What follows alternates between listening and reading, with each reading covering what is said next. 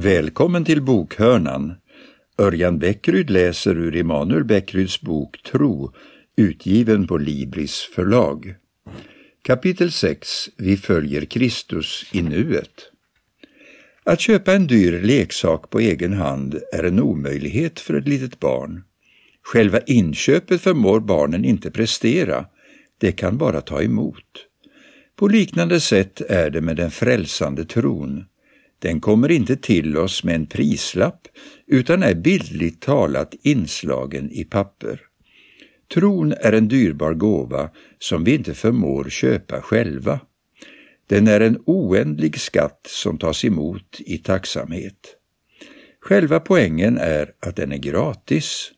Om man betalar för den är det fråga om ett köp. Vi fakturerar inte julklapparna som vi ger bort, vi betalar dem själva. På motsvarande sätt är den kristna tron gratis.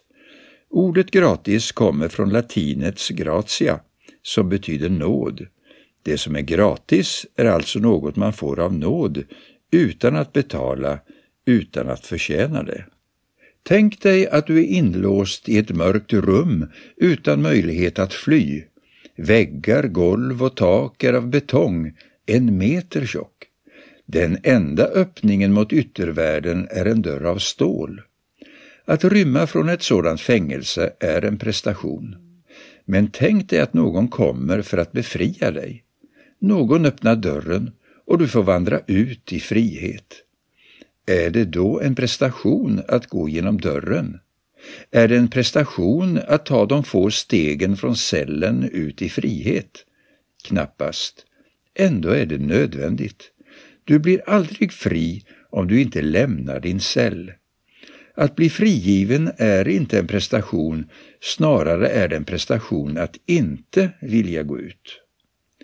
För att ta emot gåvan krävs omvändelse i nuet, en daglig omvändelse. Att vara kristen innebär inte ett passivt begrundande av det som varit och det som kommer. Tvärtom, fast förankrad i historien och med blicken fäst mot det framtida målet uppmanas vi att ta ställning för Kristus i nuet. Gud, universums nådefulle skapare och räddare, skänker oss inte sin stora gåva för att vi ska förhålla oss passiva till den. I alla tider ljuder den kristna kyrkans uppmaning till sin omgivning Omvänd er och tro. Omvändelse är inte en engångshandling utan en livsstil. En kristen är kallad att dagligen vända sig bort från allt det som försöker kväva det goda liv som Gud har tänkt för oss och vända sig till Gud, skaparen och befriaren. Nåden handlar inte om en andlig upplevelse frikopplad från det vanliga livet. Guds nåd gör oss till människor, inte zombier. Guds goda skapelse är fallen men ska en dag restaureras fullt ut. I nuet är den kristna församlingen kallad att visa världen vad Gud har tänkt sig med skapelsen. Omvändelsen handlar alltså inte om att bli andlig i motsats till materiell. Den nådefulle skaparen och den nådefulle befriaren är en och samme Gud. Talet om tron som en gåva kan lätt ge intrycket att tron är gullig och ofarlig. Men att tron är en gåva innebär inte att den är menlös. När Paulus ska beskriva evangelium, det glada budskapet, skriver han att det är Guds kraft. Ordet som översatts med kraft är dynamis, som gett oss ordet dynamit. Guds nåd är dynamit. Det kristna budskapet är högexplosivt. Det finns en förvandlande kraft i det. Guds nåd innebär inte att Gud är lite allmänt överseende, utan nåden förändrar och förädlar oss. Denna kraft är värdefull, den är en skatt, ett oerhört ansvar att få ta del av. Gåvan fyller oss med bävan, ja nästan med fruktan, när vi inser hur stor den är. Får jag ta del av denna skatt? Vad ska jag göra av den? Vilka praktiska konsekvenser får nåden i mitt liv? Tron förpliktigar alltså på grund av sin dyrbarhet. Mitt syfte med denna bok är inte att göra kristen tro så aptitlig som möjligt så att du som läsare lättare ska kunna svälja tron. Tvärtom vill jag visa hur radikal tron är, att den vänder upp och ner på allt i våra liv. Den lämnar oss ingen ro. Att den är en gåva gör den inte mindre omstörtande. Med gåvan följer ett stort ansvar och uppdrag.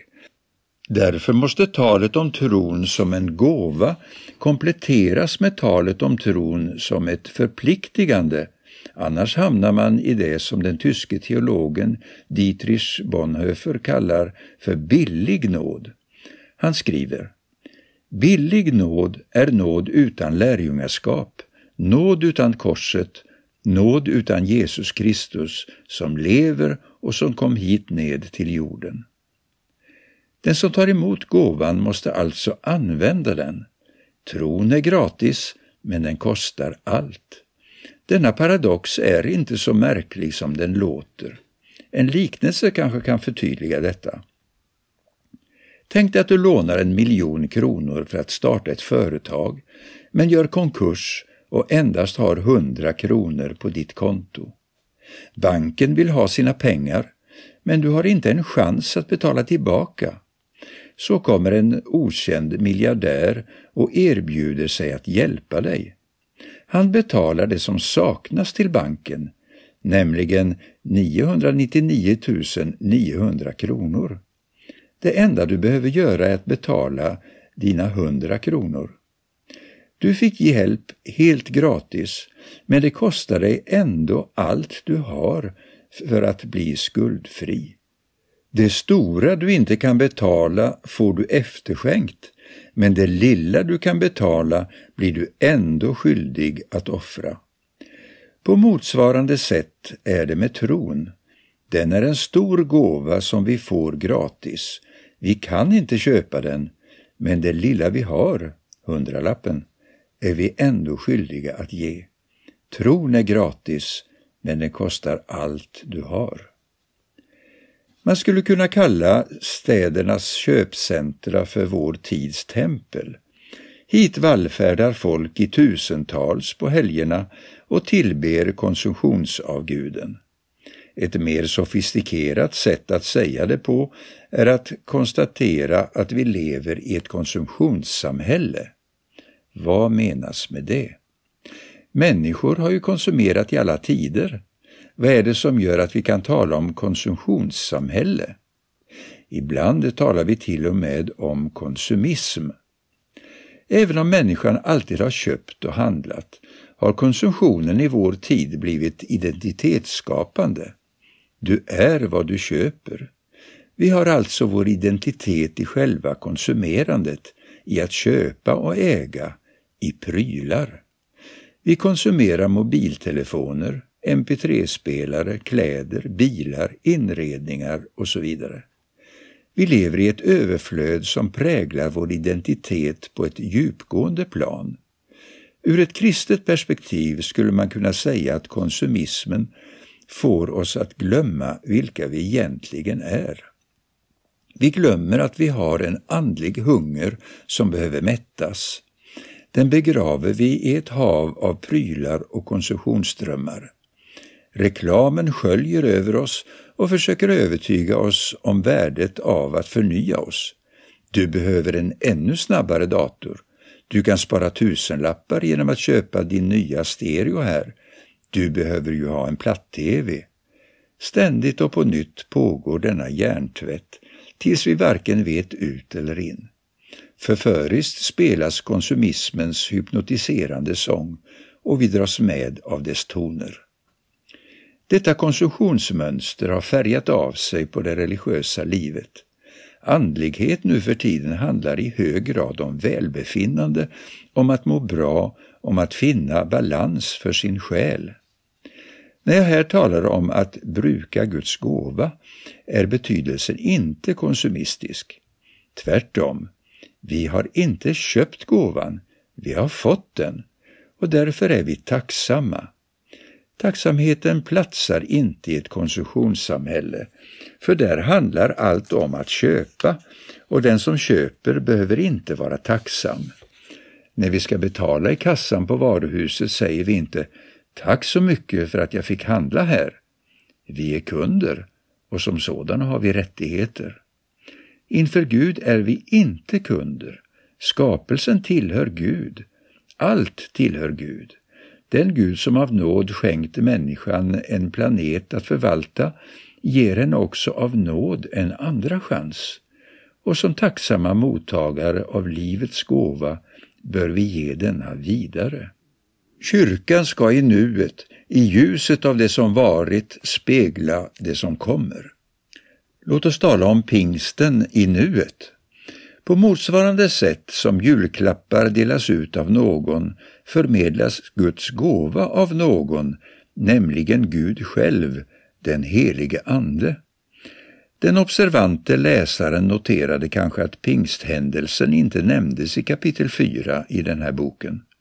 Skälet till att jag dröjde med att ta upp denna avgörande händelse i frälsningshistorien är att pingstens stora betydelse ligger i nuet. Pingsten handlar inte om en händelse i Jerusalem för snart 2000 år sedan. Pingsten handlar om livet här och nu, för anden som kom ner över mänskligheten då är verksam än idag. Den heliga Ande utgör länken mellan det som hände i Jerusalem omkring år 30 och nu. Anden aktualiserar ständigt Jesu död och uppståndelse och för samtidigt en doft av Guds framtid in i nuet. Det nya som Jesus kom med ska en dag blomma ut i fullhet. Anden hämtar en sådan blomma från framtiden och för in den i nuet. Blomman påminner oss om vart vi är på väg och Anden hjälper oss att i nuet leva som Guds nya mänsklighet. I Apostlagärningarnas andra kapitel skildras det som hände på pingstdagen sju veckor efter Jesu död och uppståndelse. Berättelsen är välkänd. Lärjungarna höll ihop under ständig bön. På pingstdagen hörs plötsligt ett mäktigt dån och tungor som av eld fördelade sig över dem. I Jerusalem fanns då mängder av utlandsjudar, det vill säga judar som levde i förskingringen men som just då befann sig i Jerusalem för att fira pingst. Apostlarna fick gåvan att tala alla möjliga språk, vilket gjorde att de kunde förkunna de glada nyheterna om Jesus för dessa tillresta judar på deras egna hemspråk. Det hela utmynnade i Petrus berömda pingstpredikan, då flera tusen kom till tro på Jesus och lät döpa sig. I judisk tradition är pingsten en fest till minne av laggivningen på berget Sinai. När Gud har befriat Israel från slaveriet i Egypten stämde han möte med dem vid berget Sinai och där ingicks ett förbund mellan Gud och folket. Folkets del i detta avtal var att hålla lagen, Tora. Laggivningen vid Sinai är alltså något som judarna firar. Tora är nämligen inte en tung börda utan ses som Guds goda gåva. En jude håller inte lagen för att förtjäna Guds nåd. Det är tvärtom. Gud är nåderik och har befriat folket från slaveriet i Egypten och därför är juden kallad att hålla Toras bestämmelser. Gamla testamentet är i mångt och mycket berättelsen om hur folket gång på gång misslyckades med att hålla lagen. Gång på gång förmanar profeterna och gång på gång faller folket. Men Gud är trogen sin del i förbundet och lovar genom profeten Jeremia att han en dag ska komma med ett nytt förbund.